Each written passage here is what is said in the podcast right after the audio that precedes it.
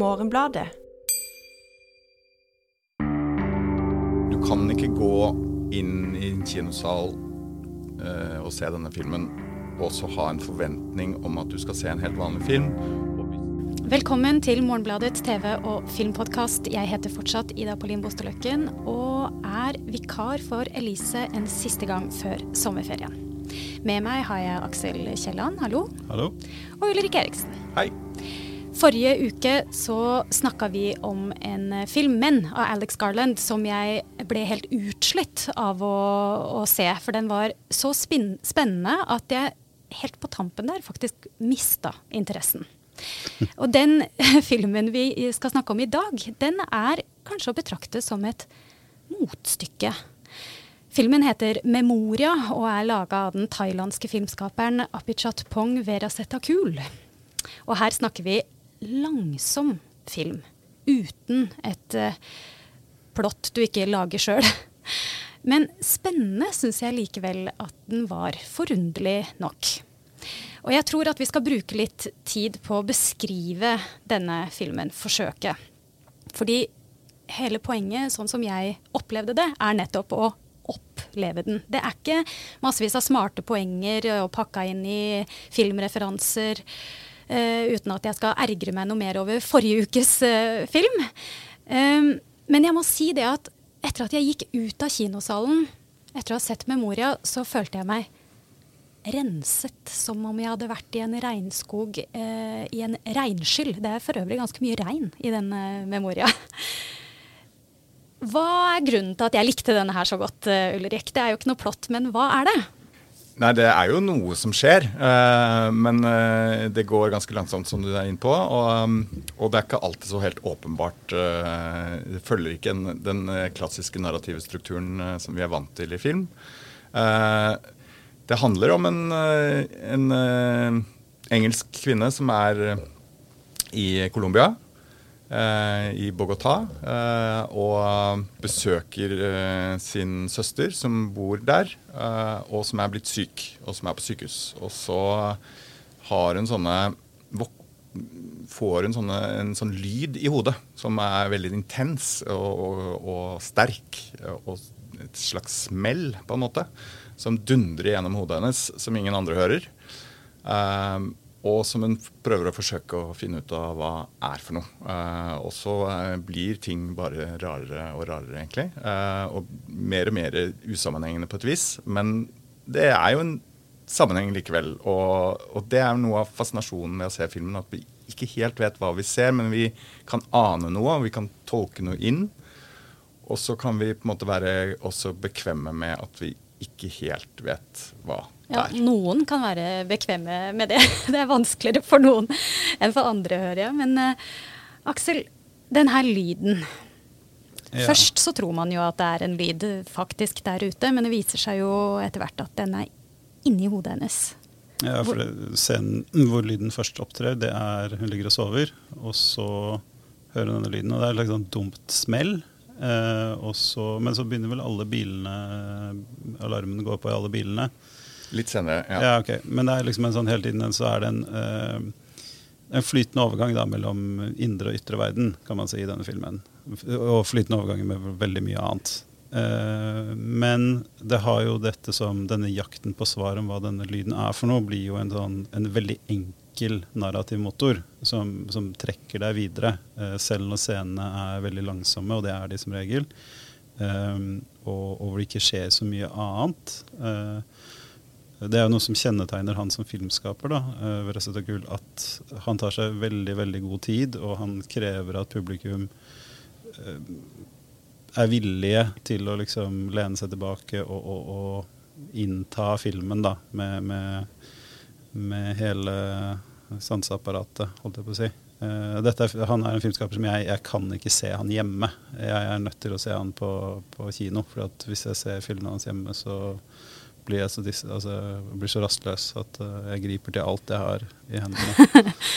Men jeg setter veldig stor pris på det når jeg får se det på kino. Ja, det var jo Dette her med den uh, lyden er jo veldig virkningsfullt på et sånt uh, godt anlegg. Det virker jo veldig, virker jo veldig plaga av å ha den inni hodet. Og noe av det som skjer ganske tidlig i filmen, er jo at du forsøker å formidle den til en lyddesigner. Eh, Herr Nann. Eh, hvordan Ja, det en, Foregår det, det er en Ulrik? veldig interessant scene. Både fordi at eh, hun skal jo formidle dette her på denne Hun vil jo da prøve å rekonstruere denne lyden eh, ved hjelp av denne lyddesigneren. Eh, en veldig tålmodig fyr. Eh, og så skal hun i tillegg snakke på spansk, som jo ikke er hennes språk. Så det er liksom en eh, det er en, egentlig en helt umulig oppgave å prøve å beskrive en lyd som er inni ditt hode, eh, på et annet språk i, i tillegg. Men han er veldig tålmodig, finner frem til mulige løsninger. Eh, men den prosessen er veldig interessant, fordi det, det beskriver jo veldig mye av hva kreativ prosess er. Eh, og du skal jo på en måte prøve å uttrykke en fornemmelse gjennom eh, et språk eller, eller et uttrykk som på en måte kan gjenskape den fornemmelsen. Men er det mulig, og hvordan gjør man det?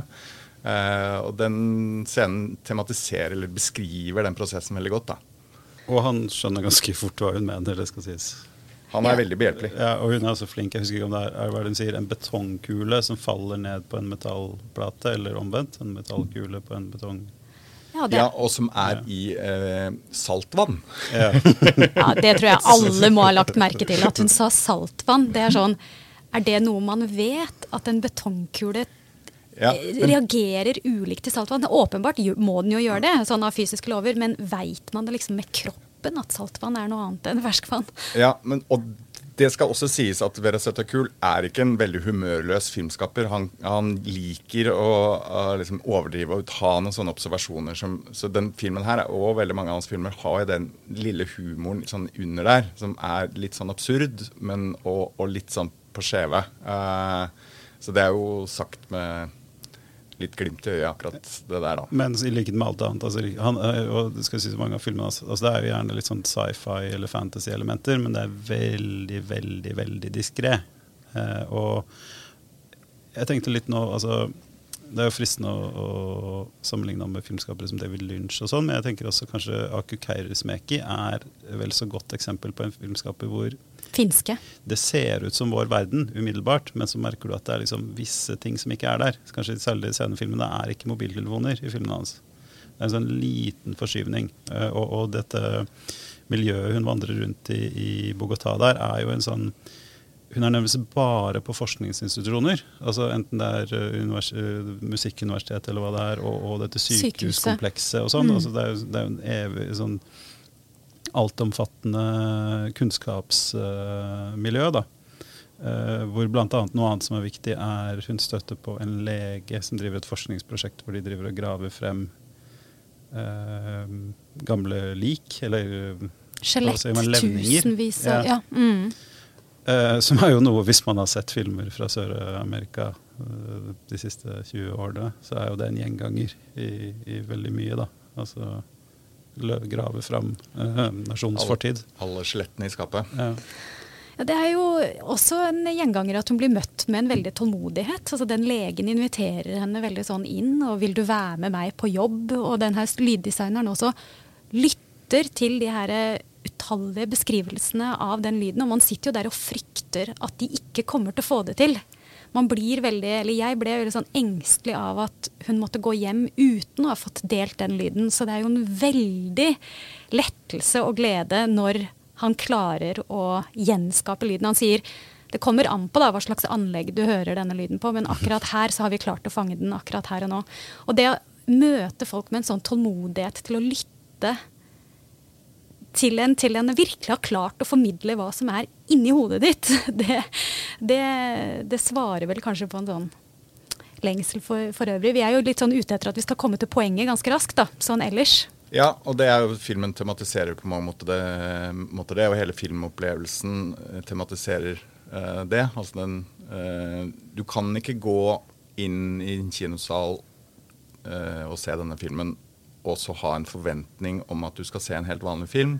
Og hvis du har den forventningen, så må du i hvert fall skru den av med en eneste gang. fordi med en gang du måte, har det som en forventning, og så, så vil det bare forstyrre og umuliggjøre liksom, eh, den opplevelsen. Eh, du, må ha den, ja, må ha den tålmodigheten, da. Eh, og du må ha det ønsket om å, og den villvilligheten, kanskje, til å, til å oppleve noe annet. da. De utgravningene og skjelettene som du nevnte, Aksel. eh, det er vel også et tema i den filmen her. Minner og det å forsøke å liksom eh, få brikkene til å falle på plass. På måte, hun er forvirra på en måte. Tilda Mm. Swinton som spiller Jessica i denne filmen. Ja, man, man sier vel ofte at lukt kanskje er den sånn sterkeste ehm, Den sansen som, som mest direkte og, og liksom overveldende kan frembringe minner. Mm. Men det er jo vanskelig på film. Uh, I hvert fall så lenge man ikke bruker sånne scratch and sniff-kort man hadde i, i, på 80-tallet. Um, så lyden får jo denne funksjonen her. Da. Altså denne veldig særegne, uh, mystiske lyden blir, en slag, blir starten på et sånt minnearbeid. Og denne filmen eh, den tematiserer jo både hukommelse og, og tid. Uh, og, det er jo ofte to sider av samme sak, men ikke alltid. Eh, men vi, hun, det er akkurat som hun på et tidspunkt kommer litt sånn i utakt. Eh, hun, hun men, altså hennes opplevelse av virkeligheten stemmer ikke med, med medmenneskene sine. eh, men du får du, det, det, Og det er litt sånn forfriskende her, litt, litt eh, sånn eh, relatert til hva vi snakka om forrige uke, at dette er ikke en kvinne som lurer på om eh, hun blir gal film. I hvert fall ikke noe sånn tradisjonell forstand. Og, og vi, vi går med på at hun hører denne lyden, og at, at når hun refererer til en tannlege som hun oppfatter at er død, så sier de andre nei, nei. Så, så, så, tror, så tenker man ja, her er det et eller annet på gang, men hva? Mm. Men, men som, som i filmene hans, det, er, dette er, det er små fakter. Det er veldig diskré, og, og det er ingenting du får inn med teskje her. Selv om jeg syns at dette kanskje er det nærmeste han har kommet da, av de av filmene hans jeg har sett. Fordi jeg, den har en slutt jeg ikke, ikke setter så stor pris på. Den skal vi forsøke. Resist the urge to mention the ending. Ja. Um, dette er den scenen der hun sitter og spiser middag med søstera si som har eh, blitt eh, frisk etter å ha vært på sykehuset med en litt sånn mystisk sykdom. Det sykdom. er en gjenganger i, i filmen hans, det. Det er mys- Sånn mystisk. Mystiske sykdommer. Ja. Mystiske sykdommer på sykehus. Han har to legeforeldre eh, og har nok vokst opp mer eller mindre på sykehus, tror jeg. Eh, så han, eh, sykehusscener eh, går igjen, og, og leger går igjen. Og, og forholdet mellom det, liksom det vitenskapelige og det helt mystiske og det, det som kan forklares, eller fors, forsøksvis forklares, og det som ikke kan forklares. Så legevitenskapen er jo på en måte eh, man kan jo si at den på en måte favner jo ofte litt i blinde. Eh, prøver å gi noen gode forklaringer vitenskapelig, men, men eh, kroppen er, viser seg å være veldig vanskelig å, beskrive eh, ofte. Og mm, sykdommer kan være vanskelig å diagnostisere. Um, så det, jeg tror den, mye av den uh, in, interessen ligger der, da, at eh, sykdom uh, Somatisk sykdom ofte har litt sånn uklare opprinnelser og uklare uh, årsaker. Eh, Og så er det også en gjenganger i filmen hans er at uh, hva skal man si, det ikke-vitenskapelige, eller folkekunnskapen, og sånn, har navn og begreper for dette, og ofte kanskje også, om ikke behandlingsmåter, så måter å forholde seg, det til, forholde seg til det på, som fungerer. Uh, så, men når legevitenskapen ikke har det. Og, og her ender vi også opp i et litt sånn eh, Ja, vi ender opp i et sånt terreng etter hvert, da, kan man si, når hun da eh, reiser ut på landsbygda og møter en annen. Uh, Hernan. Ja. Hun, han heter det samme. og det, da sitter jeg der og tenker sånn hm, Er det den samme?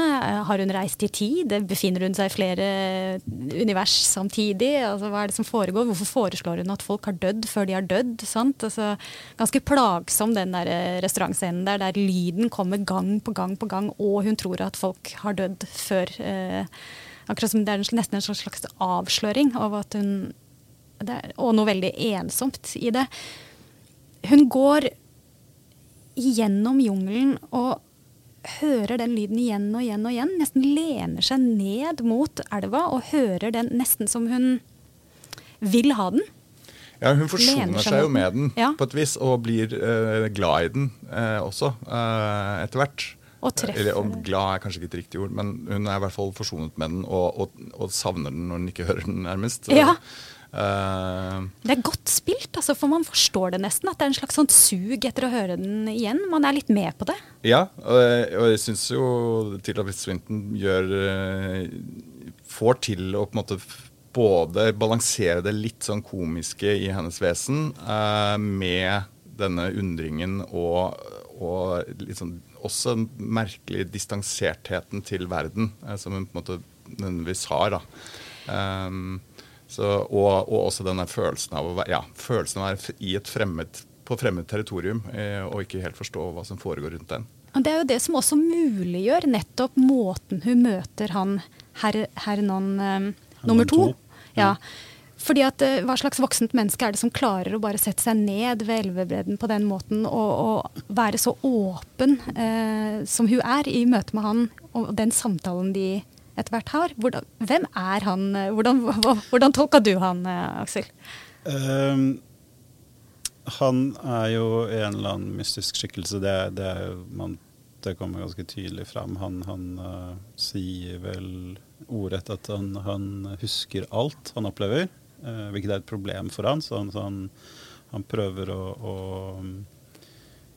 eh, å ikke oppleve for mye, ikke ta til seg for mye uttrykk, ikke se på TV, ikke høre på radio, ikke, han, ikke reise for Han mye. reiser heller ikke. Nei. Det er for øvrig også et motiv man finner i en del eh, sånn David Lynch-filmer. Denne ideen om at man trenger, ikke, man trenger ikke reise for å ut av liksom, lille amerikanske hjembyen sin for å oppleve store ting. Eh, Lynch og han eh, her er vel kanskje begge også opptatt av meditasjon og buddhisme og sånn, kanskje? Altså at hele universet er her og nå inni hodet ditt uansett. Så det kan, du kan bare bli sittende. jeg har ikke lest nok om og av er kult å vite det. Men, men der, har du, der kommer du inn på noe som, som litt for så vidt har å gjøre med det du nevnte. Liksom, hvem er det som, opplever, som oppfører seg sånn? Fordi når jeg ser hans thailandske filmer, så tenker jeg at ja, ja, men dette er vel omtrent sånn de oppfører seg der. Altså, og dette er omtrent forestillingsverden de er oppvokst med, og dette er omtrent ting som virker rimelige. Mens når du får det i en vestlig film uh, med en, en uh, skuespiller du kjenner godt i hovedrollen, så får, en litt, en, så, så, så får man et annet blikk på det. da. Men, men jeg syns jo altså at tidligere i filmen så, så legger han et så, så troverdig grunnlag. Da. Altså, dette er den verden vi er i. Altså, den verden, og det, er jo, det er jo veldig sånn luksuriøse omgivelser hun, hun eh, befinner seg i, selv om det er, det er ganske fattigslig mye av det. Men det er jo så veldig sånn eh, det er en film som har veldig god tid, og den gir deg veldig god tid. Og du får veldig følelsen av at ingenting haster, og at, at det er en sånn Som du sier, at, at eh, alle liksom kommer henne veldig i møte og liksom vil, vil fortelle henne ting og hjelpe henne ting og innvie henne ting. Og hun er liksom på en sånn quest. Ja, det er jo litt sånn som forrige uke, da, at dette er jo også en, en slags Dette er jo en sånn eventyrfilm. Mm. Men den er mer, uh, i hvert fall gjennom store deler av filmen, veldig mye mer naturalistisk i uttrykket. Ja, og, og så er det jo det eh, som er med filmen, og vi har jo snakket mye om det, uh, dette med tempo. Uh, eh, som jo er uh, Altså, det her er en tradisjon som er eh, Det er ikke bare Ved Rett og Kul som uh, lager eh, eh, langsomme filmer. Eh, men så sånn sett så forholder han seg til en lang eh, tradisjon på film, og som jeg personlig er veldig begeistret for. Og det tenker jeg noen gang på. Hva er det? Hva er det jeg liksom hva er det jeg liker med den type film? Og Det ene er som, som vi har vært inne på, at det, det åpner opp. Det åpner opp teksten, det åpner opp for muligheter. Eh, men så er det også noe med det derre Og det er kanskje bare min sånn kinofetisj, men jeg liker jo å sitte i en kinosal. Jeg, jeg syns at det er noe behagelig ved å være der, i det rommet. Og da vil jeg på en måte at filmen skal ta sin tid. Altså Jeg liker at det på en måte jeg er så glad i på en måte, opplevelsen av film. da. Jeg At hører det, Ulrik. At i seg selv så er det er, er så til, så er, Hvis det er bra gjort, hvis, det er, hvis jeg ser at det, dette er gjennomtenkt og veldig nøye filmskaping, så kan jeg på en måte ikke få nok. Eh, det er litt der, da. Og det er jo det er jo et viktig hvis, da. Eh, Hvis. Ja. Men, men det skal, jeg syns det er viktig å påpeke at eh, når man snakker om liksom, altså ideen om storfilmen, Altså den store, dyre filmen med mange eksplosjoner og mye datagrafikk og, og, og den type ting. Det oppfattes i dag å være den type film. Hvis man ser alt annet hjemme, så må man se den på kino. Liksom, storfilmen, den må man se på kino. Ja, det sies Mens noen ganger. Ja, den må- men den det må du se er på jo- kino. Og, noen ganger stemmer det. Jeg er glad jeg så, er glad jeg så Top Gun på kino og ikke, ikke hjemme. Men dette her, mer enn noe annet, er jo filmer som må ses på kino. Altså, dette er jo filmer som virkelig bruker øh, kinorommet og kinoteknologien maksimalt. Selv om den da gjør det i dette tilfellet ofte ved å ikke ha noe lyd, f.eks. Eller altså, altså den holder tilbake, men den, den, den, den bruker rommet og publikums eh, oppmerksomhet til, til det fulle. Mm, ja, ikke sant. Og det, det skulle egentlig kanskje ha vært mer av den eh, måten å tenke på film på også. Sånn, man ser jo sjelden teater og ballett hjemme eh, i opptak. Og dette her er jo helt eh, Det er noe med det at man sitter der sammen og har satt av den tida til å ta inn over seg det kunst, eh, stykket kunst som denne filmen er. Og som du sier, Aksel, det er ganske fascinerende det at det er noen ganger at det ikke er Det er ikke det at det er stille som gir lite lyd. Det er ingen lyd. Lyden blir skrudd helt av. Jeg vet i hvert fall at det skjedde én gang. Det var helt to magisk. ganger det det Ja. skjer. eh, og det ja, det er litt spesielt. Jeg begynte å tenke på om jeg har liksom opplevd det før. Det, det er jo en ganske sånn I hvert fall når jeg, jeg har vel opplevd det, men da har det ofte vært fordi det har vært en eller annen feil. Eh, det blir en veldig sånn Det skjer jo når man sitter inne i en kinosal og det blir plutselig helt stille, så det, det er som at du på måte plutselig er i et vakuum. På. Mm. Altså, du føles ut som du er i et vakuum. Ja, man må ta veldig ansvar for sitt eget uh, sanseapparat, nærmest. At Mm. eh, du, du blir eh, Du kjenner at du eh, tar veldig inn over deg det. Ja. Og så gjør han en annen ting også. Han ø, får jo skuespillerne, og særlig Tilly og Synten, til å være helt stille. Altså, de, de plutselig så Det er jo som at du nesten må prøve å se om er bildet fryst nå. Ja. Ikke minst da han lå død på bakken der en stund Ja. nå. Så um, det Som også er en sånn veldig dramatisk effekt, da. Uh, uh, i, men også selvfølgelig litt ø, tålmodighetskrevende. Ja, men, og, og det, Den føyer seg da inn også, altså ikke bare i en sånn slow cinema-tradisjon, men også den der, eh, Det fins Jeg vil ikke kalle det en sjanger, men det fins altså, det en, en, en del filmer da som får deg til å betrakte eller høre den samme lyden eller det samme bildet eller det samme vi, altså klippet på nytt og på nytt og på nytt. Du har da, eh, altså Det mest kjente er vel kanskje Antonionis 'Blow Up', og så hva er det De Palma heter, 'Blowout'. Og så um, Coppolas 'The Conversation'. Hvor, hvor, det, hvor det er det der nærstudiet da, på nytt og på nytt og på nytt de samme tingene, men, men det kanskje det, det forstørres. Det, det får en ny kontekst, og det får en ny Og det, og er jo en, en type film jeg har mye til overs for. Og, men eh, du skal ha litt til overs for det for å få fullt utbytte av, av Memoria, da. Nå må vi snart eh, runde av, men jeg bare eh, spør sånn Altså, det var jo Jeg gikk jo ut og syntes at det var en god følelse å ha sett den, men det er ganske sånn uavklart. Altså, hva var det som egentlig skjedde her? Den lyden, de minnene, det at hun møter han Hernan, var den samme fyren Altså veldig mye sånn Hva er svaret? Hva er, er var, var hun gal, sant? Eller var, er hun frisk? Altså, hele det herre Er dette her på en måte litt filmskaperens prosjekt? På en måte, eh, at jeg skal sitte igjen med den følelsen, eller, eller er det bare meg? Ja, eh, jeg tenker på hans filmer, og også denne filmen, som, som en åpen tekst eh, i veldig stor grad, som ikke har liksom, ett svar eller én tolkning. Eh, og alle, de fleste filmskapere sier jo det, at det er en åpen tekst, og den kan tolkes på. Men uh, Vera Sette Kuls filmer tar det lenger det. ut, liksom. Men han introduserer en mulig tolkning til slutt. eh, eller sånn opplever jeg det. eh, at det er en mulig tolkning. Eh, men den, den eh, slutten gir en veldig sånn OK, det var det, ja. opplevelse. Ja, For det var ikke oppklarende, det heller? Nei, det var ikke oppklarende, men, Men det, samtidig begrensende. men samtidig så begre, ja, begrenser tolkningsrammen da, en del. Eller introduserer på en måte en mulig tolkning som vil nødvendigvis in, begrense andre muligheter. Eh, og Derfor så tror jeg ikke vi skal si det Fordi jeg tror at man, vi, hvis vi sier hva som skjer, så kommer det lettere til å definere hvordan du tolker filmen underveis. og Det tror jeg ikke nødvendigvis filmen har noe godt av. Altså, Vi er jo ikke så veldig opptatt av sånn spoiler-alerte i Nei, denne podkasten, men, men, akkurat her så er det av hensyn. Når det gjelder ja, knallharde kunstfilmer med veldig lite publikum, så er vi, så er vi det. ja. ja. Eh, den har altså en slutt som eh, Ulrik Eriksen og Aksel Kielland ikke er helt uh, sikre på hva de mener om. Dere får gå og se og uh, finne ut av det sjøl. Er det sånn at dere har med dere noen anbefalinger i dag til sesongens siste episode? Så den her må være med folk inn i ja, ferien. Da tenker jeg at jeg vil bare rett og slett anbefale folk å gå på kino i sommer. Selv om det er fint vær? Selv om det er fint vær. Noen av mine beste kinoopplevelser er om sommeren. Det er en fantastisk ting å gå inn eh, sommerkvelden. Eh, eller enda bedre om formiddagen. Ja, eller formiddagen. er du ikke vokst opp i Norge? Da må man være ute. Og, det, og, og, og, hvis man er opptatt av at det er fint vær, og at man må utnytte det, så er, kan man også være helt sikker i Norge om at det kommer dårlige dager. Eh, regn er en helt essensiell del av sommeren i Norge, så eh, utnytt de mulighetene i hvert fall. Men jeg ville også gått på kino selv om det var sol. Mm. Ja, og Da kan jeg nevne én film jeg anbefaler, er, eller rett og slett én visning. Eh, etter, altså Vi spiller inn litt før denne legges ut, så etter, eh, i kveld skal jeg se David Cronbergs 'Naked Lunch'.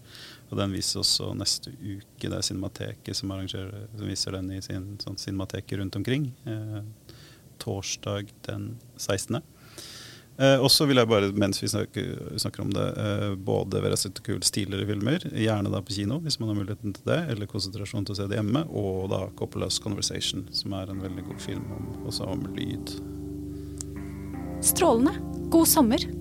Vil du lese Ulrik, Eriksens anmeldelse av Memoria eller eh, mer om TV og film, så kan du gå inn på morgenbladet.no podkast og tegne deg et abonnement.